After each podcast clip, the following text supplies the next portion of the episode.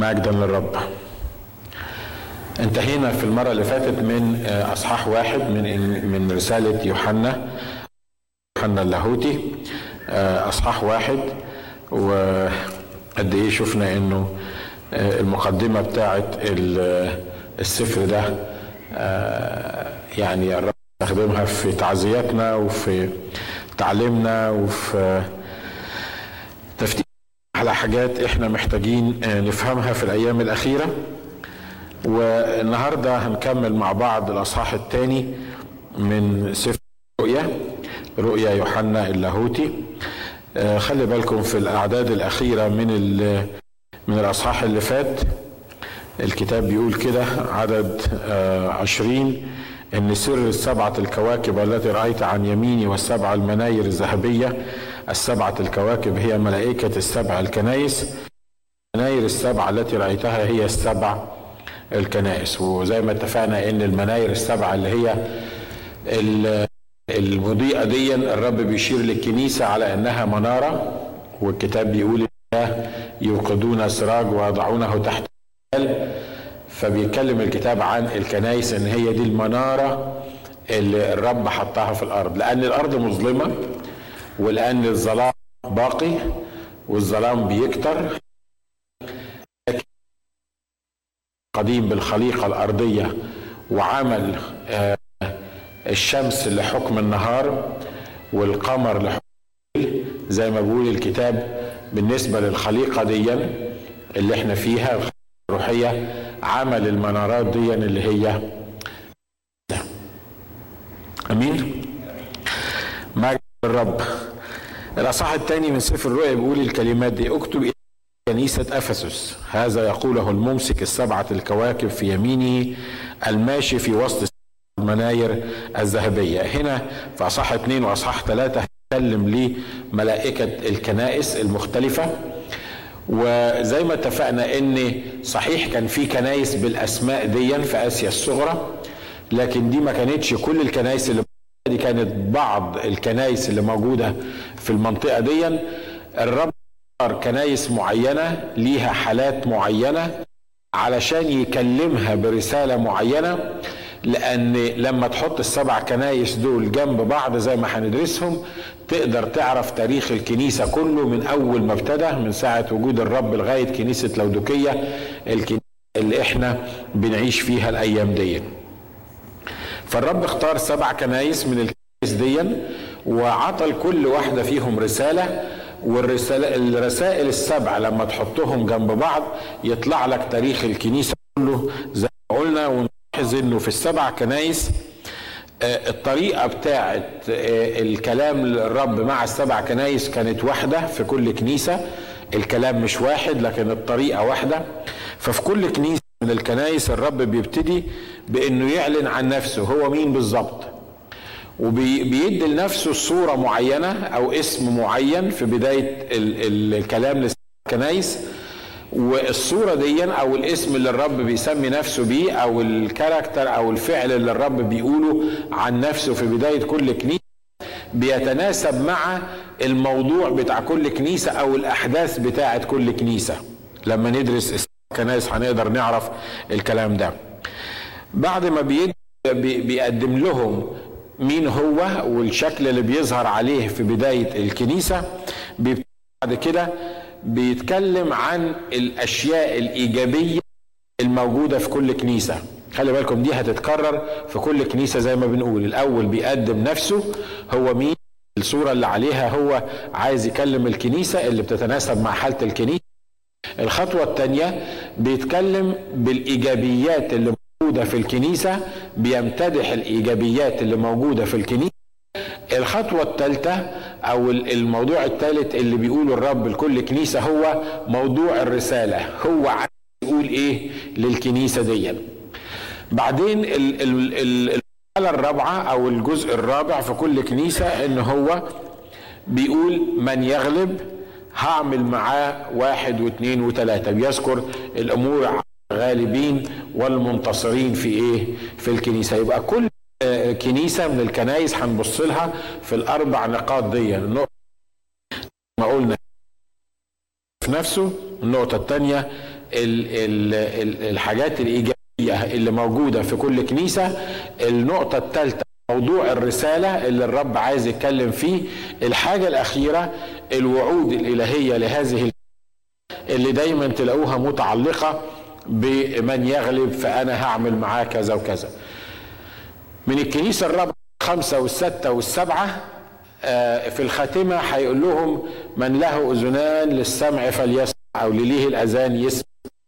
وما قالش الكلام ده في بداية الكنايس الأولانية في بعض الكنايس لأنه واضح أنه في الأول الناس كانت إلى حد ما بتسمع. بيركز على موضوع السمع ده في الأواخر ليه؟ لأنه عارف إن الناس سماعها بيقل بعد كده في الأيام اللي إحنا موجودين فيها. الكتاب بيقول إن في ناس عندهم آه، أذان مستحكة مسامعهم يقولوا للقادة وللناس بتوعهم كلمونا بالناعمات. الناس مش عايزة رسالة الحق في الكنيسة الناس مش عايزة الرسالة الكلام الإلهي لكن الناس عايزة الكلام اللي يسليهم ويفرحهم ويرفعهم وهو ده اللي الناس عايزاه لكن تعليم وكلام مهم وتحذيرات من الرب الناس مش عايزة الحكاية ليه؟ لأن أصبحنا في جيل زي ما قال عنه الكتاب إنه لعل متى ابن الإنسان ابن الإنسان يجد الإيمان على إيه؟ على الأرض لكن يا بخت وطوبى للكنيسة اللي تقبل من الرب التشجيع وفي الوقت نفسه تقبل التوبيخ. ما حدش فينا بيحب التوبيخ مش كده؟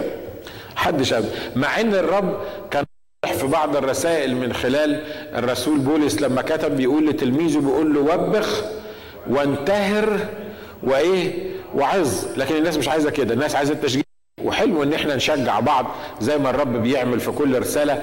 لكن خلي بالكم إنه إحنا محتاجين نسمع الرب بيقول إيه؟ إن كان تعليم إن كان توبيخ إن كان تأديب إن كان تقويم لأن الكلمة نافعة لكل ده وده اللي إحنا محتاجينه من الرب. لو بصيت بس للتشجيع مش هتعرف تكمل باقي الطريق. ليه؟ لأن أنت محتاج إنك تسمع مسج رسالة خاصة من الرب. الكنيسة الأولى اللي إحنا بنتكلم عليها في أصحاح اتنين آه، كنيسة بيقول اكتب إلى ملاك ملاك افسس كلمة أفسس المحبوبة. ال ال الكلمة نفسها معناها المحبوبة الكنيسة المحبوبة. ودي الكنيسة في فكر الله. الكنيسة قال عنها الكتاب قال مررت بك في زمان إيه؟ في زمان هو بيتكلم عن إسرائيل حقيقي. ده نفس اللي حصل مع الكنيسة إن الله مر بينا في زمان الحب حبنا نظفنا جعلنا نصلح لإيه؟ للمملكة. عشان كده الكنيسة الأولى هي الكنيسة المحبوبة. والرب بيحب الكنيسة مش معنى إن كنيسة إفسس هي معناها الكنيسة المحبوبة معناها إن بعد كده لما حالة الكنيسة تدهورت الرب ما بيحبهاش. الرب حبه ثابت موجود مهما كانت الأمور مهما كانت الظروف. الرب بيحب الكنيسة وفي عشرات الآيات اللي موجودة في الكتاب بتقول إن الرب بيحب الكنيسة وبيعد نفسه عشان يجي عشان ياخد الكنيسة لأن دي عروسته دي خطيبته اللي حبها وقال كده محبة أبدية أحببتك من أجل ذلك أدمت لك إيه؟ أدمت لك الرحمة. بيقول أكتب إلى ملاك كنيسة أفسس. وخلي بالكم إن كنيسة إفسس دي دي بيقولوا عنها في التاريخ أو اللي حصل فيها في التاريخ إن هو من ساعة صعود الرب يسوع الكنيسة بتاعت التلاميذ والرسل والشيوخ اللي عصروا الرسل والتلاميذ لغاية ما ماتوا. بيقولوا تقريبا الحقبة بتاعت الكنيسة دي كانت من ساعة صعود الرب يسوع للسماء لغاية سنة 100 تقريبا. لأن زي ما بقول لكم دي إشارات نبوية للكنايس اللي موجودة آه، تاريخ الكنيسة كله. فكنيسة أفسس هي كنيسة الرسل. فحط في دماغك كده وإحنا بنشرح الكلام ده إن كنيسة أفسس هي كنيسة الرسل والتلاميذ والناس اللي كانوا معاصرينهم بيقول هذا يقوله الممسك السبعة الكواكب في يمينه الماشي في وسط السبع المناير الذهبية. في آخر عصر الرسل الرسول بولس بيحذر الأسس اللي في أفسس اللي جابهم في أفسس بيقول لهم منكم أنتم أيضا هيقوم ذئاب خاطفة. لا تشفق على الرعية. والرسول بطرس حذر من الأمور اللي ممكن تخش الكنيسة وتعمل مشاكل في الكنيسة. رسول بولس حذر رسول بطرس حذر. كل ال ال ال الرسائل اللي كانت مكتوبة كان فيها التحذيرات دي إن الكنيسة ممكن يخش فيها التعاليم الغريبة والهرطقات والبدع الغريبة. علشان كده الرسل كانوا بيحذروا زي ما إحنا درسنا في رسائل آه، بطرس الرسول وبعض رسائل بولس الرسول. هنا الرب بيعلن عن نفسه إن هو مين؟ هذا يقوله الممسك السبعة الكواكب. إحنا اتفقنا ان السبعة كواكب هي ملائكة السبع كنايس اللي هم سواء خدام السبعة كنايس أو القصوص بتوعهم المسؤولين عنهم. هذا يقوله الممسك السبعة الكواكب فين؟ في يمينه الماشي في وسط السبع المناير الذهبية. يعني الرسالة بتاعته بتقول خلي بالك إن أنا الله الممسك السبعة كواكب في يميني واللي بتمشى في وسط السبعة مناير معناها إن أنا الله يسوع الساهر على كلمتي والساهر على كنيستي واللي ممسك السبعة آه، كواكب في يميني اللي هم ملائكة السبعة إيه؟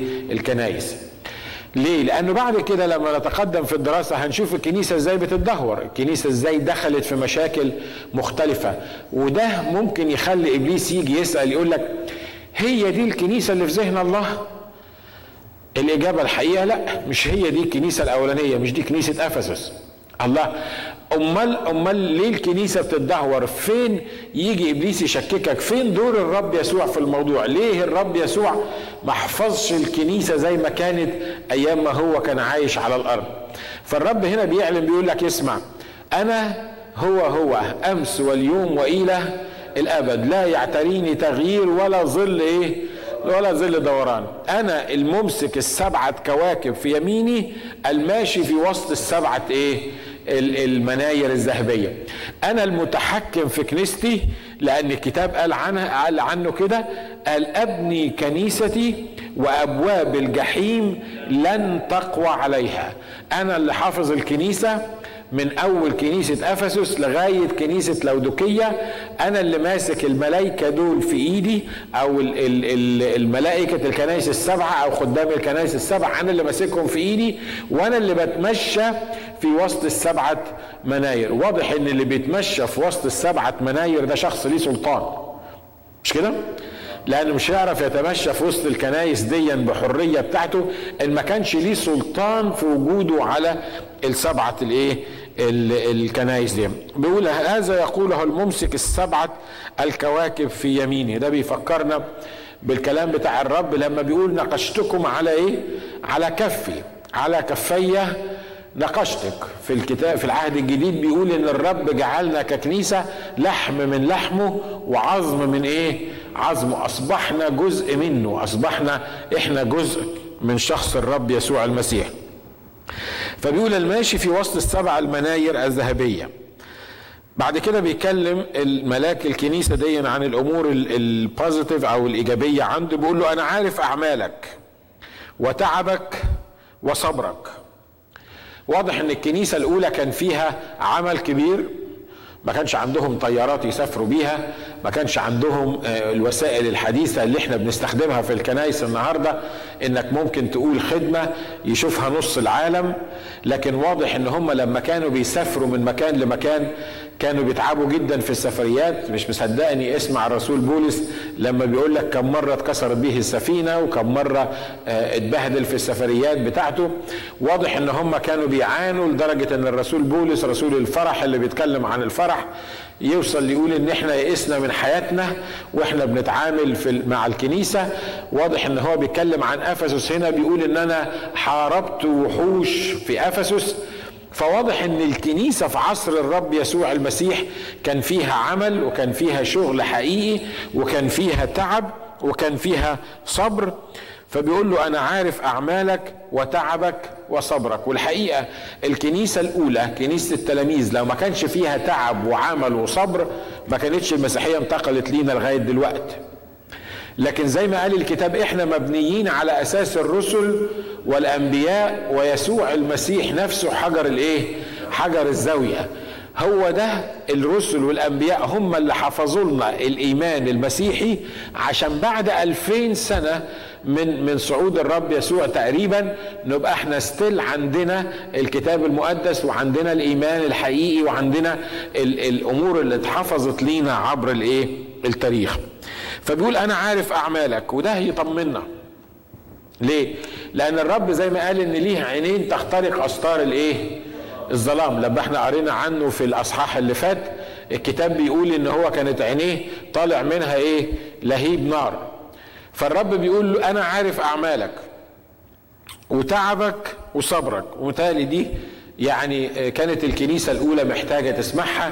والكنيسة الأيام دي محتاجة تسمعها والخدام اللي بيخدموا الرب في أماكن مختلفة مرات كتيرة بيبقوا محتاجين يسمعوا الكلام ده من الرب لأن الرب عايز يأكد للناس دي إن أنا عارف أعمالك أنا عارف تعبك أنا عارف صبرك.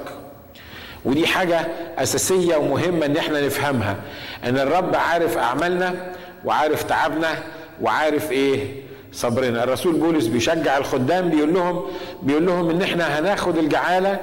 إن كنا لا نفشل إن كنا لا نمل إن كنا بنعمل عمل الرب حقيقي من قلوبنا. إن الله لا ينسى تعب الإيه؟ الله لا ينسى تعب المحبة. أنا عارف إن ابليس ويل اتليست مرات معايا بيجي يقول لي أنت عملت إيه في حياتك؟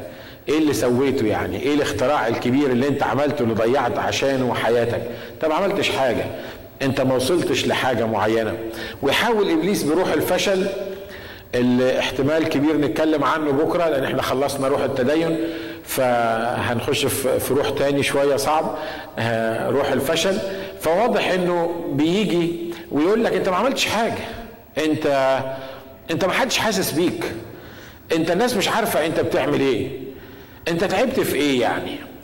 أنت صبرت على إيه؟ لكن خلي بالكم إن الرب بيبص للكنيسة وبيقول لملاك الكنيسة أنا عارف أعمالك وتعبك وصبرك. لو الرب عارف أعمالي وتعبي وصبري يبقى ده يكفيني. آمين؟ لأن الرب عارف تعبي وعارف صبري. أنا بكلم عنك أنت بكلم عن أي خادم بكلم عن أي واحد مؤمن حقيقي. إزاي؟ لأن الكتاب قال إن جميع الذين يريدون أن يعيشوا بالتقوى في المسيح يسوع يضطهدون. واضح إن ناس كتيرة آه، آه، مضطهدة لأجل المسيح.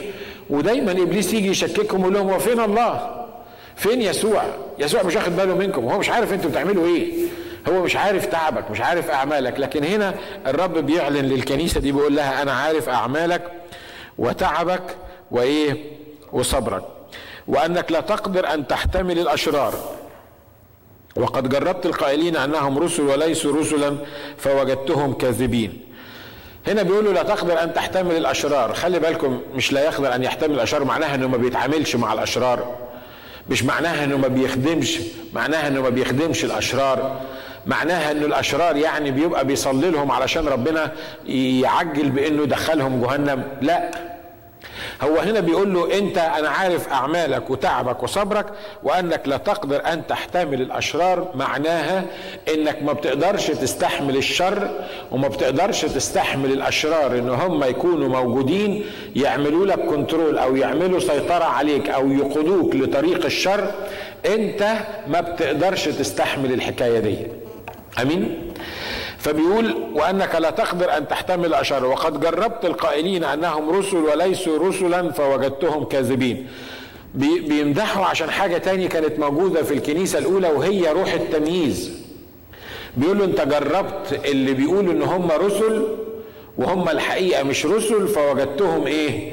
فوجدتهم كاذبين. خلي بالك لما تحط الكلام ده قدام الكنيسة الرابعة أو الثالثة أو اللي بعدها مع كنيسة سميرنا وبرغامس وثياتيرا والحاجات اللي إحنا هنتكلم عنها دي تحس إن الخاصية دي اللي الرب بيتكلم عنها ابتدت تغيب من الكنيسة. لما ندرس كنيسة ثياتيرا كنيسة ثياتيرا معناها تياترو كلمة ثياتيرا معناها تياترو. الكنيسة اللي واخدة اسم تياترو اللي بيلعبوا كنيسة.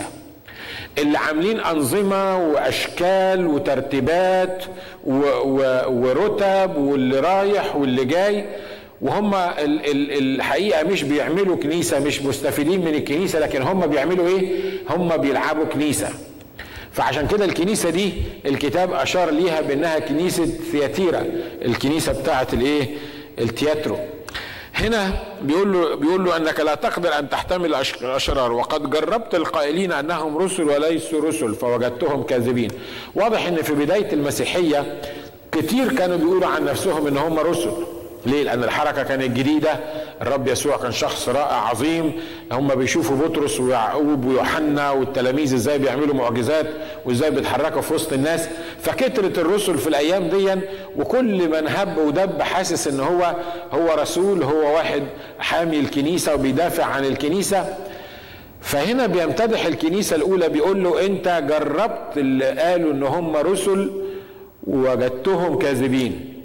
كان عندك حساسية معينة من الناس الكذابين اللي موجودين عندك في الكنيسة تقول لي هو الكنيسة الأولى كان فيها كذابين؟ كان فيها كذابين ولا ما كانش فيها كذابين؟ واضح كان فيها كذابين بدليل إن الرسول هنا بيقول له جربت اللي قائلين إنهم رسل وهم ليسوا رسل فوجدتهم إيه كاذبين الكلام ده في الكنيسة النهي في الكنيسة الأولى في الكنيسة اللي كان فيها الرسول بطرس والرسول يعقوب والرسول بولس تقول لي في وسط الناس دول كان ممكن يبقى في كذابين كان ممكن يبقى يندس كذابين في وسط الناس دول آه وكان حتى الرسول بولس نفسه مرات انخدع فيهم ومرات قال الذين كنت أذكر أذكرهم لكم مرارا كثيرا أذكرهم الآن باكيا وهم أعداء صليب الإيه؟ صليب المسيح الناس دول كانوا إيه؟ كذابين مع إن الرسول بولس كان مخدوع فيهم لدرجة إن هو كان بيوصي عليهم الكنائس التانية علشان ياخدوا بالهم منهم ويرعوهم كإخوة في المسيح. فبيقول لهم إن الناس ناس من اللي أنا كنت بذكرهم لكم مرارا كثيرا وبوصي عليهم بقول لكم خدوا بالكم منهم الآن أذكرهم بكيا وهم أعداء صليب المسيح. ليه؟ لأن هم كذابين. عشان كده الكنيسه مهمة جدا إن يبقى فيها روح تمييز. روح التمييز يخلي الكنيسة تميز بين الكذابين وغير الكذابين روح التمييز في الكنيسة لما يجي واحد ممثل من كنيسة ثياتيرا أو من التياترو زي ما أقول كلمة تياترو مع أنت عارفين التياترو؟ إحنا عندنا في مصر كلمة تياترو دي معناها مسرح العرايس كده اللي, بي اللي بي يعني الحاجة ال fake الحاجة اللي مش مظبوطة لما يجي في الكنيسة واحد من دول تقول لي هو في حد يقدر يجي في الكنيسة من دول؟ آه في ناس بتيجي في الكنيسة كدابين وليهم صورة التقوى زي ما بيقول الكتاب في الكنيسة تحس إن هم يعني من أولياء الله الصالحين بس خليه يروح بيتهم ولا قبل ما يروح بيتهم ويبقى شخص تاني مختلف تماما ليه؟ لأنه كذاب والرسول بولس زي ما اتفقنا اتخدع فيهم كتير والرسول بطرس اتخدع فيهم كتير والكنيسة الأولى اتخدعت فيهم كتير بس هنا الرب بيمدح الكنيسة الأولى بيقول له أنا عارف أعمالك وتعبك وصبرك وإنك جربت القائلين أنهم رسل فوجدتهم إيه؟ وجدتهم كاذبين. ده بيقول حاجة معينة. إن خلي بالك يا مؤمن إنك لازم تبقى ناضج وعندك حساسية معينة عندك روح تمييز إنك لما تتعامل مع الناس اللي في الكنيسة الناس اللي بيجوا لابسين آه، لبس حملان إن يبقى عندك التمييز الروحي اللي تميز بيه بين الكذابين وغير الكذابين لو عجبك الكلام قول آمين. أنا مش بقول لك خلي بالك ان انت تيجي الكنيسة تقعد تبرع للناس كده عشان أشوف عايز أشوف الكدابين هم مين. آه اللي في الصف اللي مش عارف نمرة كام مش عايز اشاور بإيدي لحسن تيجي في حد. اللي في الصف الفلاني دون شكله كذاب كده. الأخ ده شكله كذاب الأخ ده شكله أنا مش مستريح له. الأخ ده شكله مش عارف إيه. والأخ ده شخص كويس. لا الموضوع ما يجيش بكده الموضوع ما بيجيش بالدماغ ما بيجيش بالاستحسان ما بيجيش إنك تبص لواحد وتقول ده كذاب ولا مش كذاب الموضوع لما الروح القدس يكون ساكن جواك وعايش بطريقة صح جواك تبص تلاقي واحد جاي بيقول لك كلام تقول يعني ده راجل رائع مليان بالروح القدس. تبص تلاقي الروح القدس من جواك يقول لك ما تصدقوش ده كذاب. أنا مش بتكلم عن استحساننا إحنا البشري لأن لو على استحساننا إحنا البشري هنودي الناس في داهية مش كده ولا إيه؟ مرات كتيرة تشوف واحد تقول لك أنا ما أعرفش إزاي قفلت منه الراجل ده. الراجل ده أو الأخت دي يعني شكله بصراحة أنا مش مش مش ممكن أقدر أتعامل معاه. جبت الكلام ده منين؟ قاله لك الروح القدس لا وبعد كده تكتشف إن هو راجل كويس وراجل مؤمن حقيقي والرب بيستخدمه. ومرات تحس تقول يا سلام على الأخ فلان ده شخص رائع جدا. ده إحنا نشكر الله إنه موجود معانا في الكنيسة. والروح القدس من جواك يقول لك ما تطمنلوش خلي بالك منه ده كذاب ده مش مظبوط. وتقول لا لا لا اللهم اخزيك يا شيطان لأن أنا عارف إن الشيطان هو اللي بيحاول يعمل كده عشان يعقدنا من بعض. لا الفكرة مش الشيطان بيعقدنا من بعض ولا الفكرة هي إن إحنا لازم نجرب القائلين أنهم رسل عشان نشوف هم رسل حقيقيين ولا كذابين. أمين؟ دي حاجة مهمة لازم نتعلمها في الكنيسة. زي ما اتفقنا الموضوع مش استحساننا الموضوع مش أي حد بيجي من بره المفروض إن أنا بقبله كواحد من التلاميذ كواحد من المؤمنين. خلي بالكم حتى لو كان شرير. أنا ما أقدرش أقول لواحد شرير يطلع بره الكنيسة ده بالعكس. ده الشرير أنا عايز يجي الكنيسة عشان يسمع من الرب وعشان الرب يتعامل معاه ويتجدد. لكن ما أقدرش أجيب واحد شرير من بره واتعامل معاه على أساس إن هو مؤمن ومؤمن حقيقي. ويمكن كمان زي ما كتير في الكنائس بتعمل يضاف لمجلس الكنيسة لو كان يعني راجل عنده قرشين ولا راجل عنده مكانة معينة ويبقى راجل مهم في الكنيسة. لا الموضوع مش كده. الموضوع إن الكنيسة ينبغي إنها يكون عندها الحساسية الروحية اللي تقدر بيها إنها تميز بين الكذابين وغير الكذابين. ودي اللي كانت موجودة في الكنيسة الأولى. حنانيا وسفيرة اللي كنا بنتكلم عليهم لقيوا الناس بتبيع البيوت بتاعتهم وبتحط الفلوس عند أرجل الرسل. فقال لك ما إحنا لازم نعمل كده لأن لو ما عملناش كده هنتحط في مشكلة. كل الناس بيبيعوا بيوتهم وبيحطوا الفلوس عند أرجل الرسل. لو ما عملناش كده يقولوا علينا إيه؟ الأخ حنانيا والأخت سفيرة اللي موجودين في في, في الاجتماع مش هاين عليهم يبيعوا بيتهم ويحطوا فلوسه عند أرجل الرسل؟ لازم نبيعه عشان كلام الناس. باعوا البيت. بعد ما باعوا البيت عملوا كونفرنس مع بعض كده أو يعني اجتماع مع بعض. معقولة يا حنانيا؟ ودي تقول له معقولة يا سفيرة إن إحنا هناخد الفلوس؟ شقى العمر اللي حطيناه في البيت ونحطها عند أرجل الرسل؟ أنا مش شايف ان الموضوع ده كتير قوي ان إحنا نعمله. ما إحنا ما نقدرش ما نعملوش. لحسن الناس تتكلم علينا يقول ان هم ما باعوش البيت أو ما حطوش عند ارجل الرسل. طب نعمل إيه؟ أقول لك أنا نعمل إيه. إحنا دينا بعنا البيت وبينا لكل الناس بقت واضح لكل الناس ان إحنا كمان بعنا البيت بتاعنا. ناخد جزء من الفلوس ونشيلها لينا إحنا للزمن ونروح نحط باقي الفلوس عند رجلين الايه؟ الرسل. ومين هيقول للرسل؟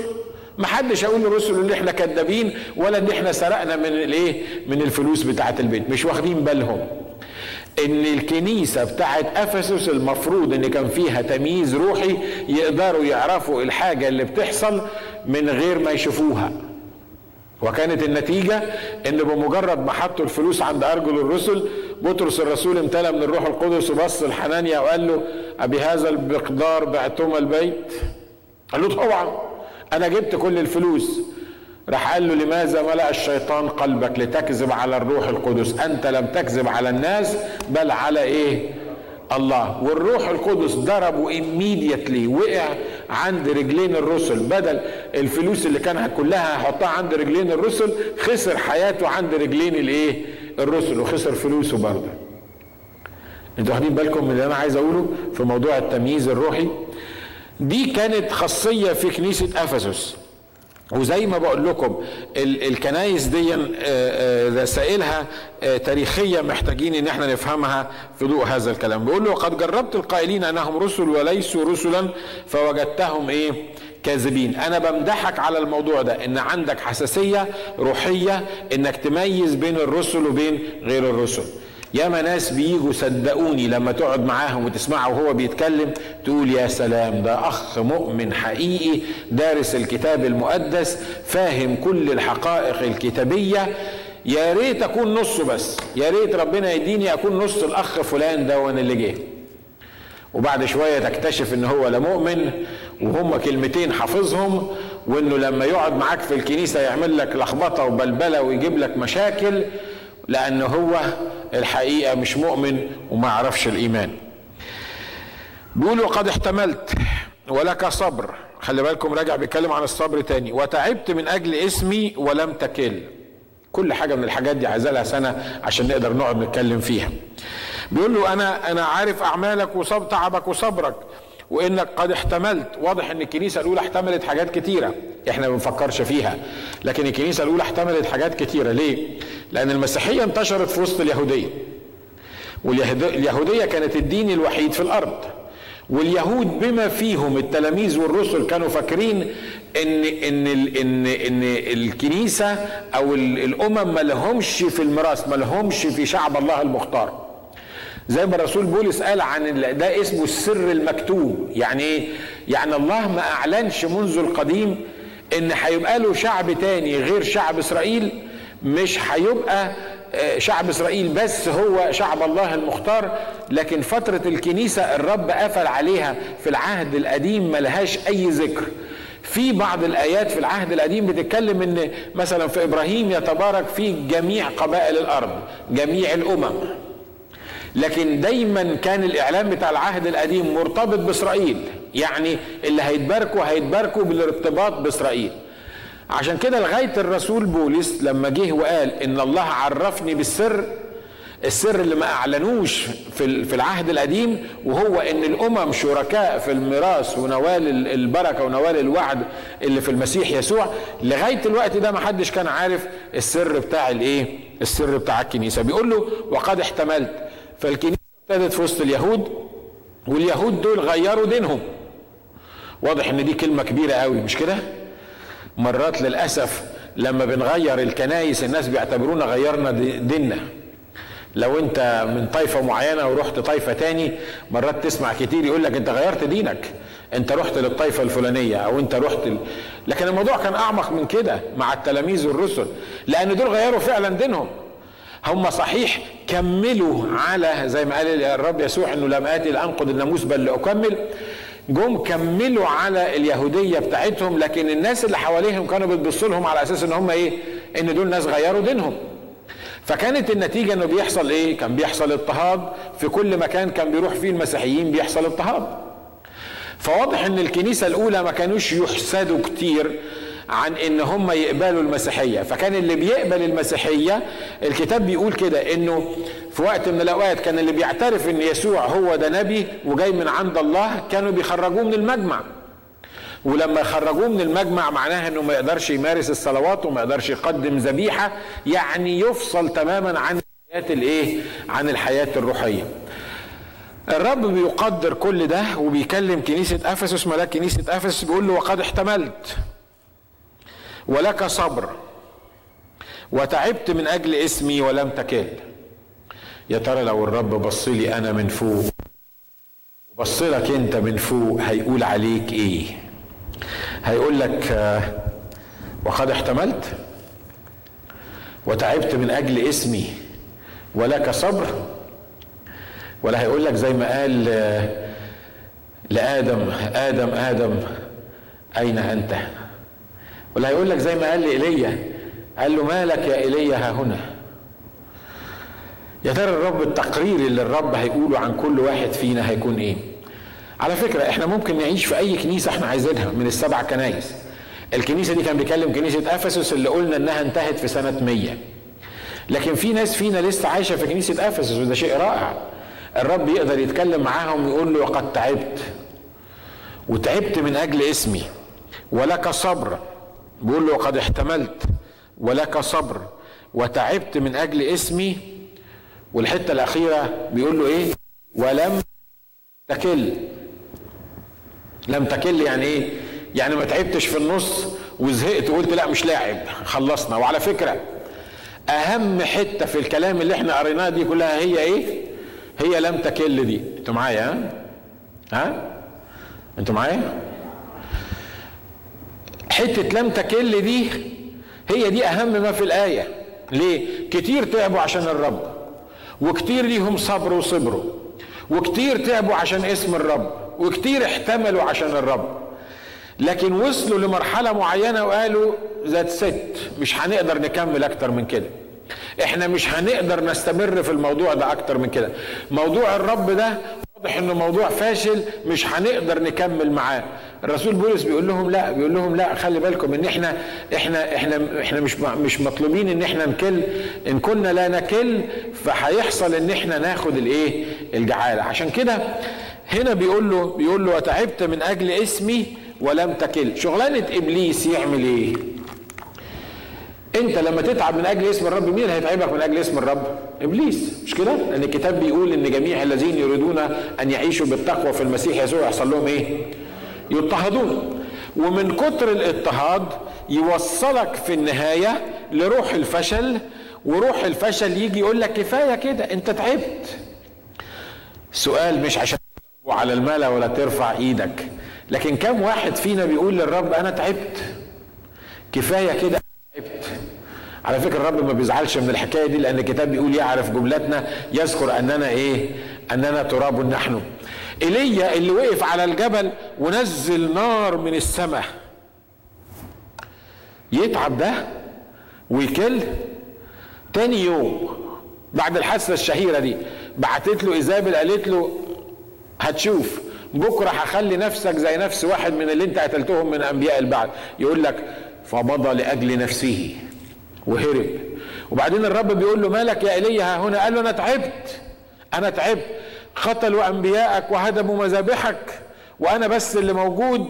محدش واقف معايا. محدش حاسس بيا. محدش شايف اللي أنا بمر فيه. محدش شايف المصايب اللي نازلة على دماغي. وحتى أنت كمان بكلمك مش مستجيب. أنا تعبت.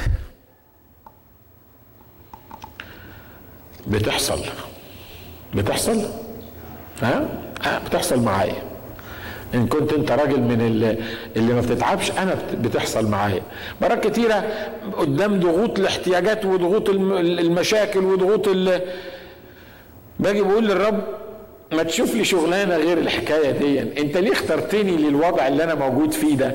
ما كفاية بقى كده. أنا من سنة 81 لسنة 85 في الخدمة 24 سنة. ما يغركمش الشكل بتاع ده. ده عبارة عن صبغة. لكن لكن لو ما فيش صبغة كنت هتشوفوا الشعر الأبيض. في حد يشيبه هو عنده 45 سنة من كتر التعب وال وال وال والخدمة والمشاكل اللي موجودة فيها. يا رب أنا تعبت. اشكر الله. إنه طويل الروح وكثير الإيه؟ وكثير الرحمة. بيقول للملاك هنا بيقول له خلي بالك أنا عارف أعمالك. مش مهم الناس يعرفوا. مش مهم الناس يعرفوا أنت بتعمل إيه. أنا عارف أعمالك وعارف صبرك وعارف تعبك وعارف إن أنت تعبت من أجل اسمي ولم إيه؟ ولم تكل عشان كده الرب النهارده بيشجعنا وبيقول لك أنا عايز في الآخر أقول لك الكلمة دي وبيني وبينكم كده الرب اللي بيرفعنا والرب اللي بيدينا قوة على الاحتمال والرب في الآخر بيمدحنا على اللي هو عطاهولنا أمين؟ أمين؟ عشان كده بيقول له إيه؟ بيقول له وتعبت من أجل اسمي. ما أجمل هذه الكلمات اللي بيتعب من أجل اسم الرب. مش اللي بيتعب لأجل غبائه. مش اللي بيتعب لأجل مشاكله اللي حط نفسه فيها. مش اللي بيتعب لأجل مشاكل الآخرين اللي دس مناخيره فيها وكانت النتيجة إن عملت له مشاكل. لا بيقول له أنت تعبت لأجل إيه؟ تعبت لأجل اسمي يعني من غير اسم الرب أنا كنت هستريح من الموضوع ده. بيقول له وتعبت من أجل اسمي ولم تكل. الحاجة الثالثه هي الرسالة بتاعت الموضوع. بيقول له لكن عندي عليك أنك تركت محبتك الإيه؟ الأولى. يا أبوي معقوله معقوله الراجل ده بعد ما امتدحوا الكتاب بكل الأوصاف دي معقوله بعد ما قال له أنت ليك صبر وتعبت وعملت وسويت في الآخر بيقول له إنك تركت محبتك الأولى. واضح إن الكلام ده لنهاية كنيسة الرسل أو عهد كنيسة الرسل. والحقيقة إن الكنيسة في سنة 100 تقريبا كانت ابتدت تبقى استابلشد والناس كتروا فيها وبقيت كنيسة ليها شكلها فابتدت تريح شوية ما كانتش بالمحبة الأولى اللي, اللي ابتدت بيها الكنيسة. وكأن الرب عايز يقول حاجة معينة. عايز يقول له أنت تعبت لأجل اسمي واستحملت وصبرت كل الكلام ده أنا مقدره وعارفه. لكن أهم حاجة في علاقتك بيا هي محبتك الأولى.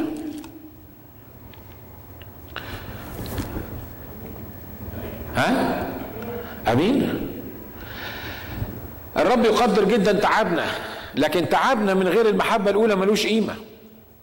الرب يقدر صبرنا الرب يقدر إن إحنا لم نكل. ياما في ناس بتفني نفسها في خدمة الله وهي مش فاهمة هي بتعمل إيه. ياما في ناس بتقضي ساعات في الخدمة وبتقضي ساعات في الصلاة وبتقضي ساعات في عمل الخير. لكن المحبة الأولى الشركة اللي بينها وبين الرب العلاقة الأولى اللي بينها وبين الرب ما هياش زي ما كانت الأول. هفكرك بسرعة باليوم اللي اتجددت فيه لو كنت اتجددت وعرفت المسيح مخلص شخص لحياتك. لو ما كنتش اعمل معروف لمصلحتك.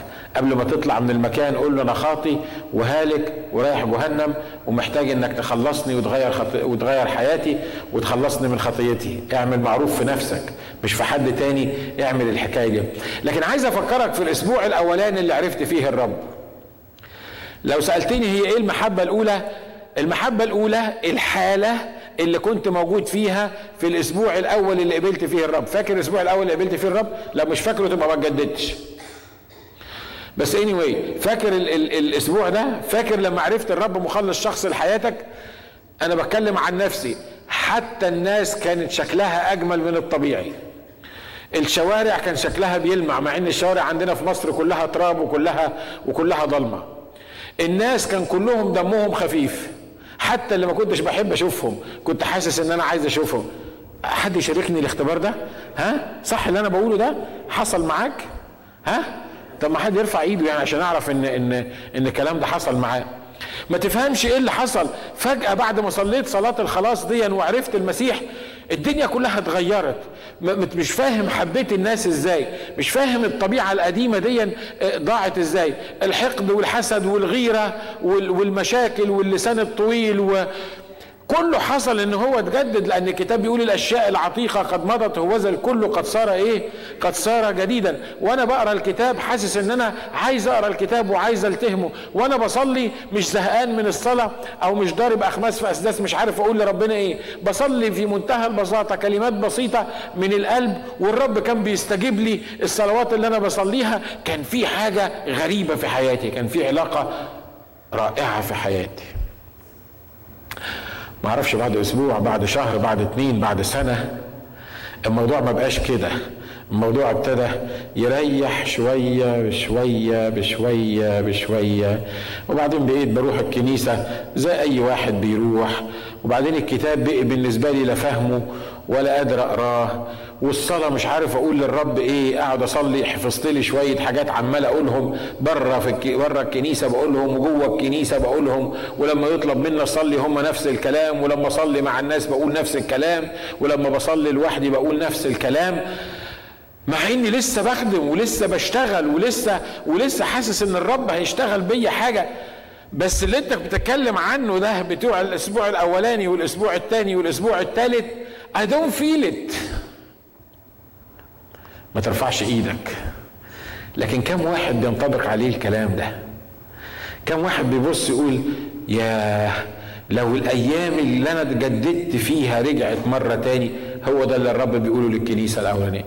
بيقول لك أنا عارف تعبك وعارف صبرك وعارف جهادك وعارف شغلك وعارف اللي أنت بتعمله علشاني وعارف إن أنت بتخدمني دلوقتي 100 مرة أكتر من زمان وعارف إنك بتصبر وعارف إنك ما كلتش. لكن كل ده زي ما بنقول في كفة والعلاقة الأولى المحبة الأولى في كفة تاني. إن ما كانتش المحبة الأولى دي موجودة كل اللي أنت بتعمله الناحية التانية يبقى في حاجة غلط.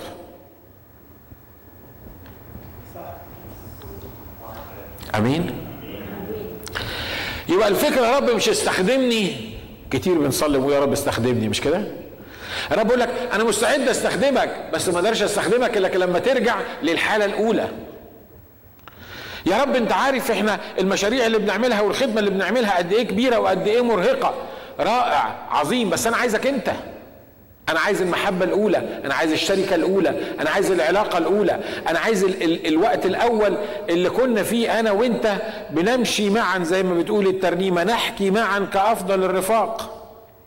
المرات اللي كنت بتغمض عينيك وبتسرح فيا وبتفضل تتكلم معايا وبتفضل تحكي معايا وتقول لي اللي حصل معاك وقد إيه مع إن ظروفك كانت صعبة برضه وظروفك وكان عندك مشاكل بس المحبة الأولى كانت رفعاك مخلياك ماشي فوق كل الكلام ده لأن في حاجة اسمها المحبة إيه؟ المحبة الأولى. ترجع المحبة الأولى دي؟ تفتكروا ممكن ترجع؟ أنا عارف ان العدو يجي يقول لك إيه؟ يقول لك ناجي انت كبرت عن زمان. أيام المحبة الاولى اللي كنت عيل لسه صغير بيبي كان أبوك بيدلعك كان بيستجيب لك صلواتك. أنا عارف من اللي قدامي لأن أنا برضه بمر بنفس الظروف. كنت يمكن 90% من اللي طلبته من الرب في خلال الأسابيع الأولى دي حصلت.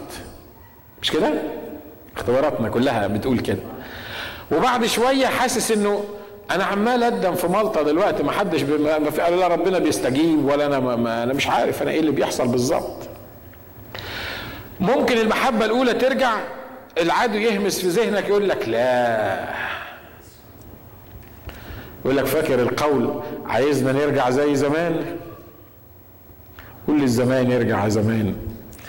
لا أيوه هي دي. لكن الفكرة مش كده. المحبة الأولى هي إيه؟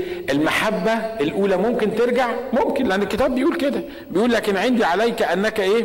تركت محبتك إيه؟ خلي بالكم مش المحبة الأولى اللي تركتك. مين اللي ترك التاني؟ ها؟ أنت اللي تركت محبتك الأولى. ما تقوليش مش عارف إيه اللي حصل. المحبة الأولى ما عنديش المحبة الأولى. الكتاب بيقول أنت تركت محبتك الإيه؟ الأولى. بيقول لكن عندي عليك أنك تركت محبتك الأولى. عدد خمسة بيقول فاذكر من أين سقطت وتب. خلي بالكم ما بيقولكش اذكر منين أنت سبت المحبة الأولى بتاعتك ورجعت أو ممكن ترجع تاني.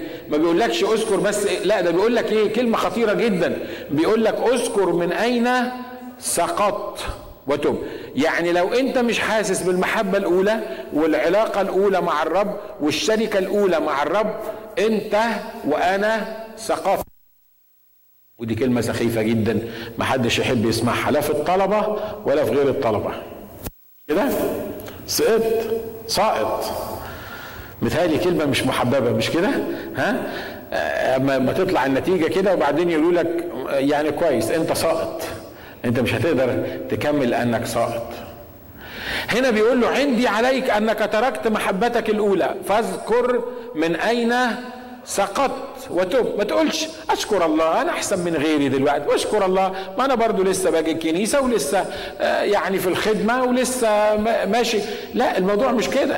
الموضوع إن المحبة الأولى العلاقة الأولى الشركة الأولى مع الرب لو ضاعت من حياتي ومن حياتك الكلمة اللي بيحطها الكتاب هنا المنطبقة على حياتي وحياتك هي إيه؟ إنك سقطت.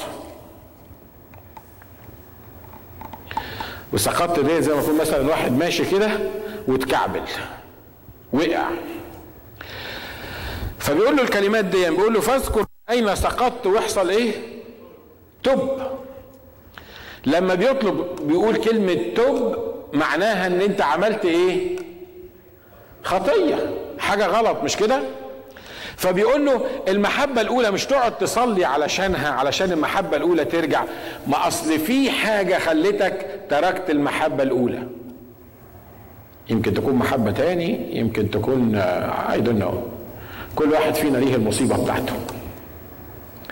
فبيقول له اسمع أنا عايزك ترجع للمحبة الاولى. طب ارجع للمحبة الاولى دي يا رب إزاي؟ اذكر. في, في كذا فعل أمر هنا. بقول له اذكر. اذكر من اين سقطت واعمل إيه؟ توب. تقول لي أنا مش فاكر ان أنا عملت حاجة تخليني اسقط مش فاكر ان أنا يعني أنا مش فاكر إمتى سقطت من المحبة الاولى. لو عايز تفتكر قول للروح القدس يفكرك هيفكرك. ليه؟ لأن دي الطريقة اللي هترجع بيها للمحبة الاولى. يمكن الروح القدس يقول لك ساعتها يقول لك عارف انت سقطت إمتى؟ من ساعة ما قلت لك نفذ الحاجة الفلانية وانت قلت لي لا. في اللحظة دي انت سقطت وابتديت تترك المحبة الأولى. عارف انت سقطت من إمتى؟ من ساعة الموضوع الفلاني هو ده اللي خلاك سبت محبتك الأولى. انت عارف سقطت من إمتى؟ من ساعة ما فضلت الناس عليا. انت عارف سقطت من إمتى؟ وكل واحد الرب هيقول لك من إمتى انت سقطت من إمتى. عشان ترجع المحبة الأولى مرة تاني بيقول لك الكلمات دي فاذكر من أين سقطت. وبعدين لما تذكر من أين سقطت المحبة الأولى ترجع بإيه؟ ترجع بالتوبة.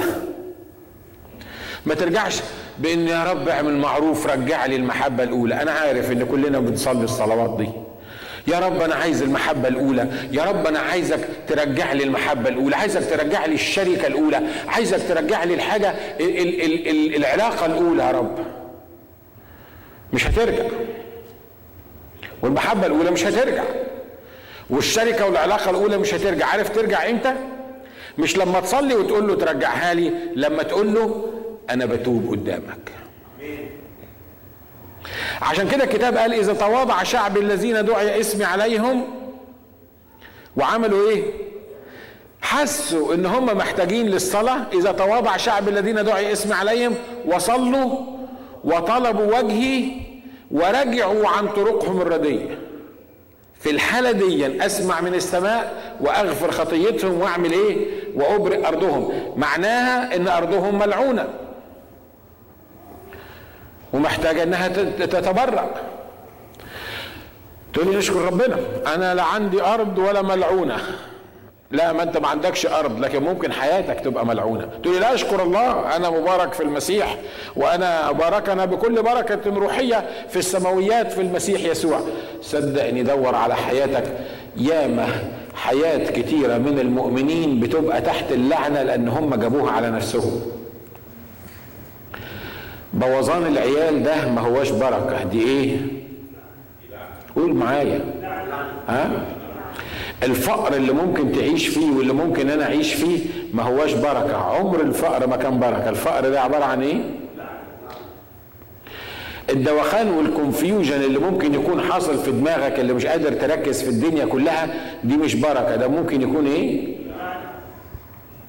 مش عايز أعدد لك كمية اللعنات اللي ممكن تكون إحنا واقعين تحتيها. والرب بيقول الكلام ده. عايز المحبة الأولى خلي بالك أنا لما أرجعك مش هشيل اللعنة تقول لي آه أنا بصلي عشان الرب يشيل اللعنة من حياتي ويجيب بركة. مش فكرة لعنة وفكرة بركة فكرة العلاقة والشركة الأولى اللي بينك وبين الرب. يقول له فاذكر من أين سقطت واعمل إيه؟ وتب. واعمل الأعمال الإيه؟ الأولى.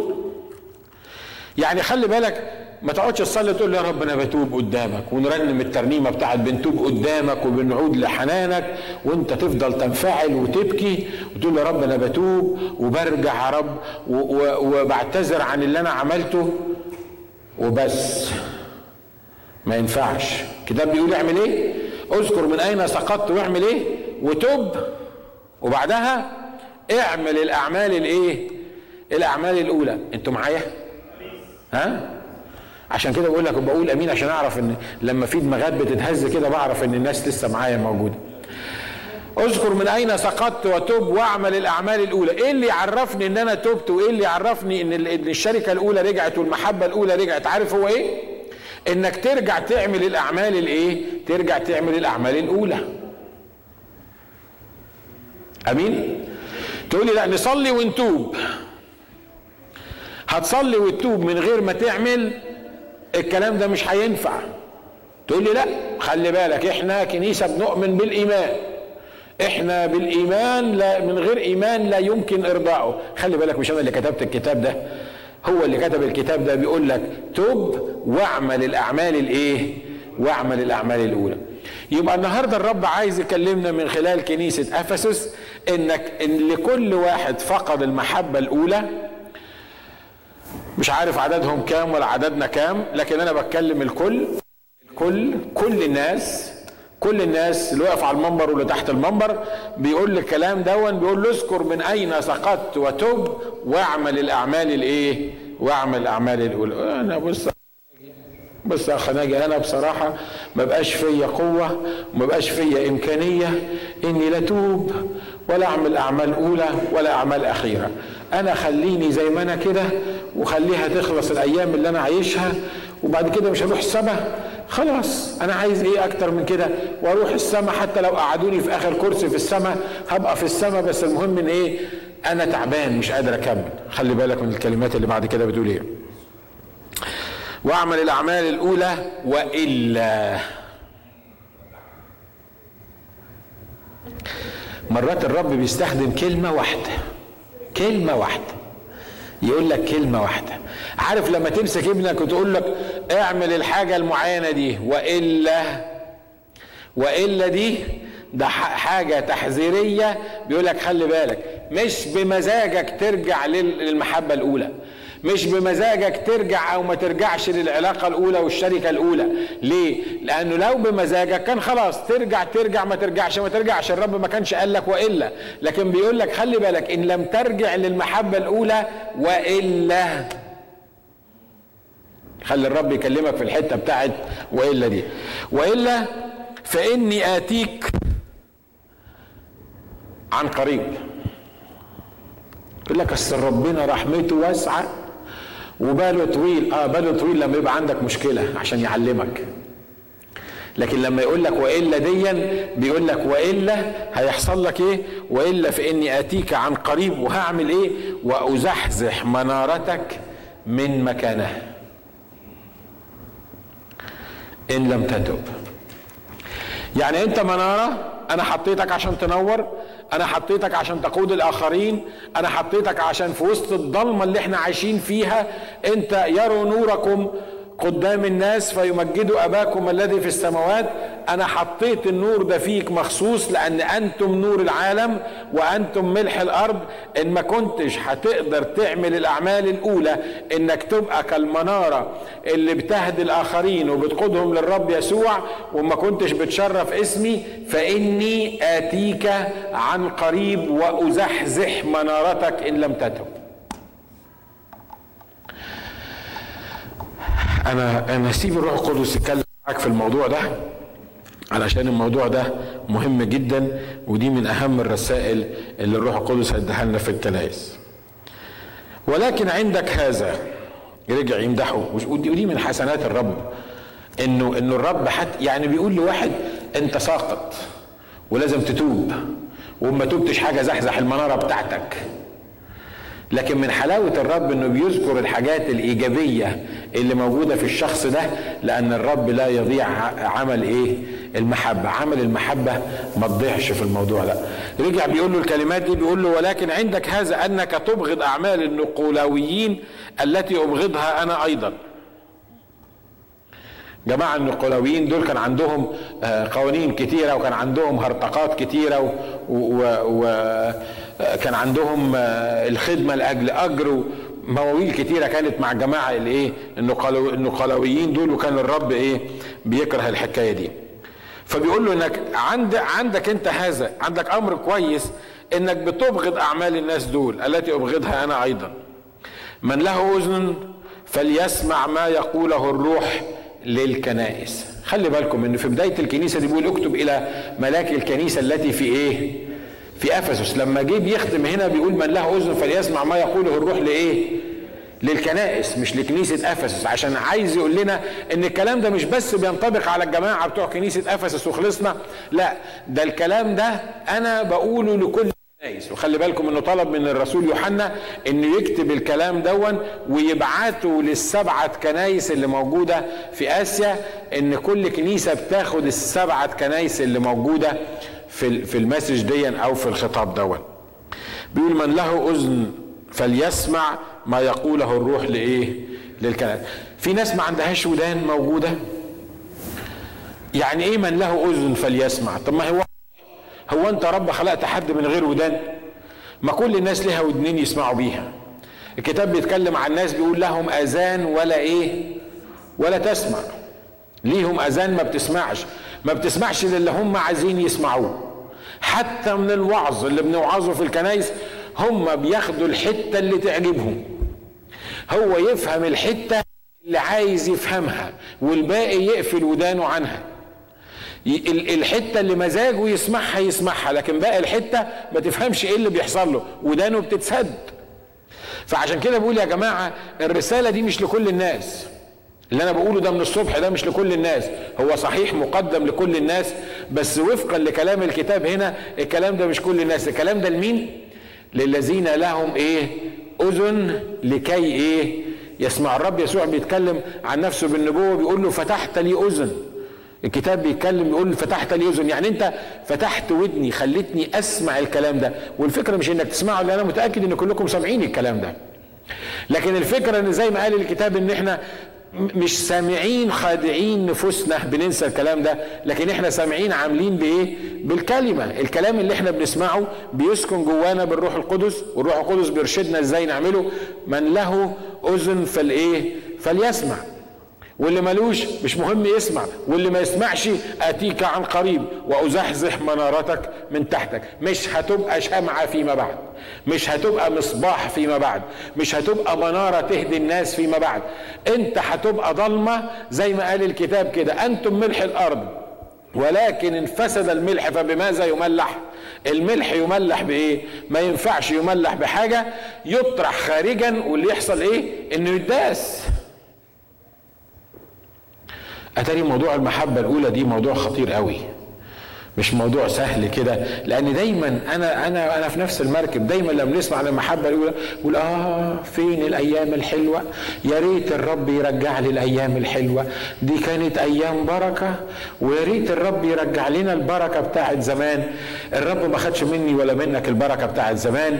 أنا وأنتم اللي سيبنا البركة بتاعت الزمان وأنا وأنتم اللي محتاجين إن إحنا نتذكر من أين سقطنا وأنا وأنتم اللي محتاجين نتذكر ونتوب وإلا فإني أتيك عن قريب. من له أذن فليعمل إيه؟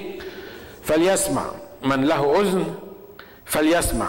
آخر حاجة بيقولها في الرسالة اللي هي النقطة الرابعة بيقول من يغلب فسأعطيه أن يأكل من شجرة الحياة التي في وسط فردوس إيه؟ في وسط فردوس الله. وده بيفكرنا بشجرة معرفة الخير والشر اللي كانت في الجنة. وزي ما اتفقنا في مقدمة ال ال ال الرسالة هنا إن كل حاجة فقدها الإنسان في الجنة أو في في في العالم السابق هتتعوض في العالم الروحي بطريقة إيه؟ روحية. الشجرة بتاعت زمان كان اسمها إيه؟ كانت شجرة معرفة الخير وإيه؟ والشر. وكان في شجرة اسمها شجرة الحياة في الجنة.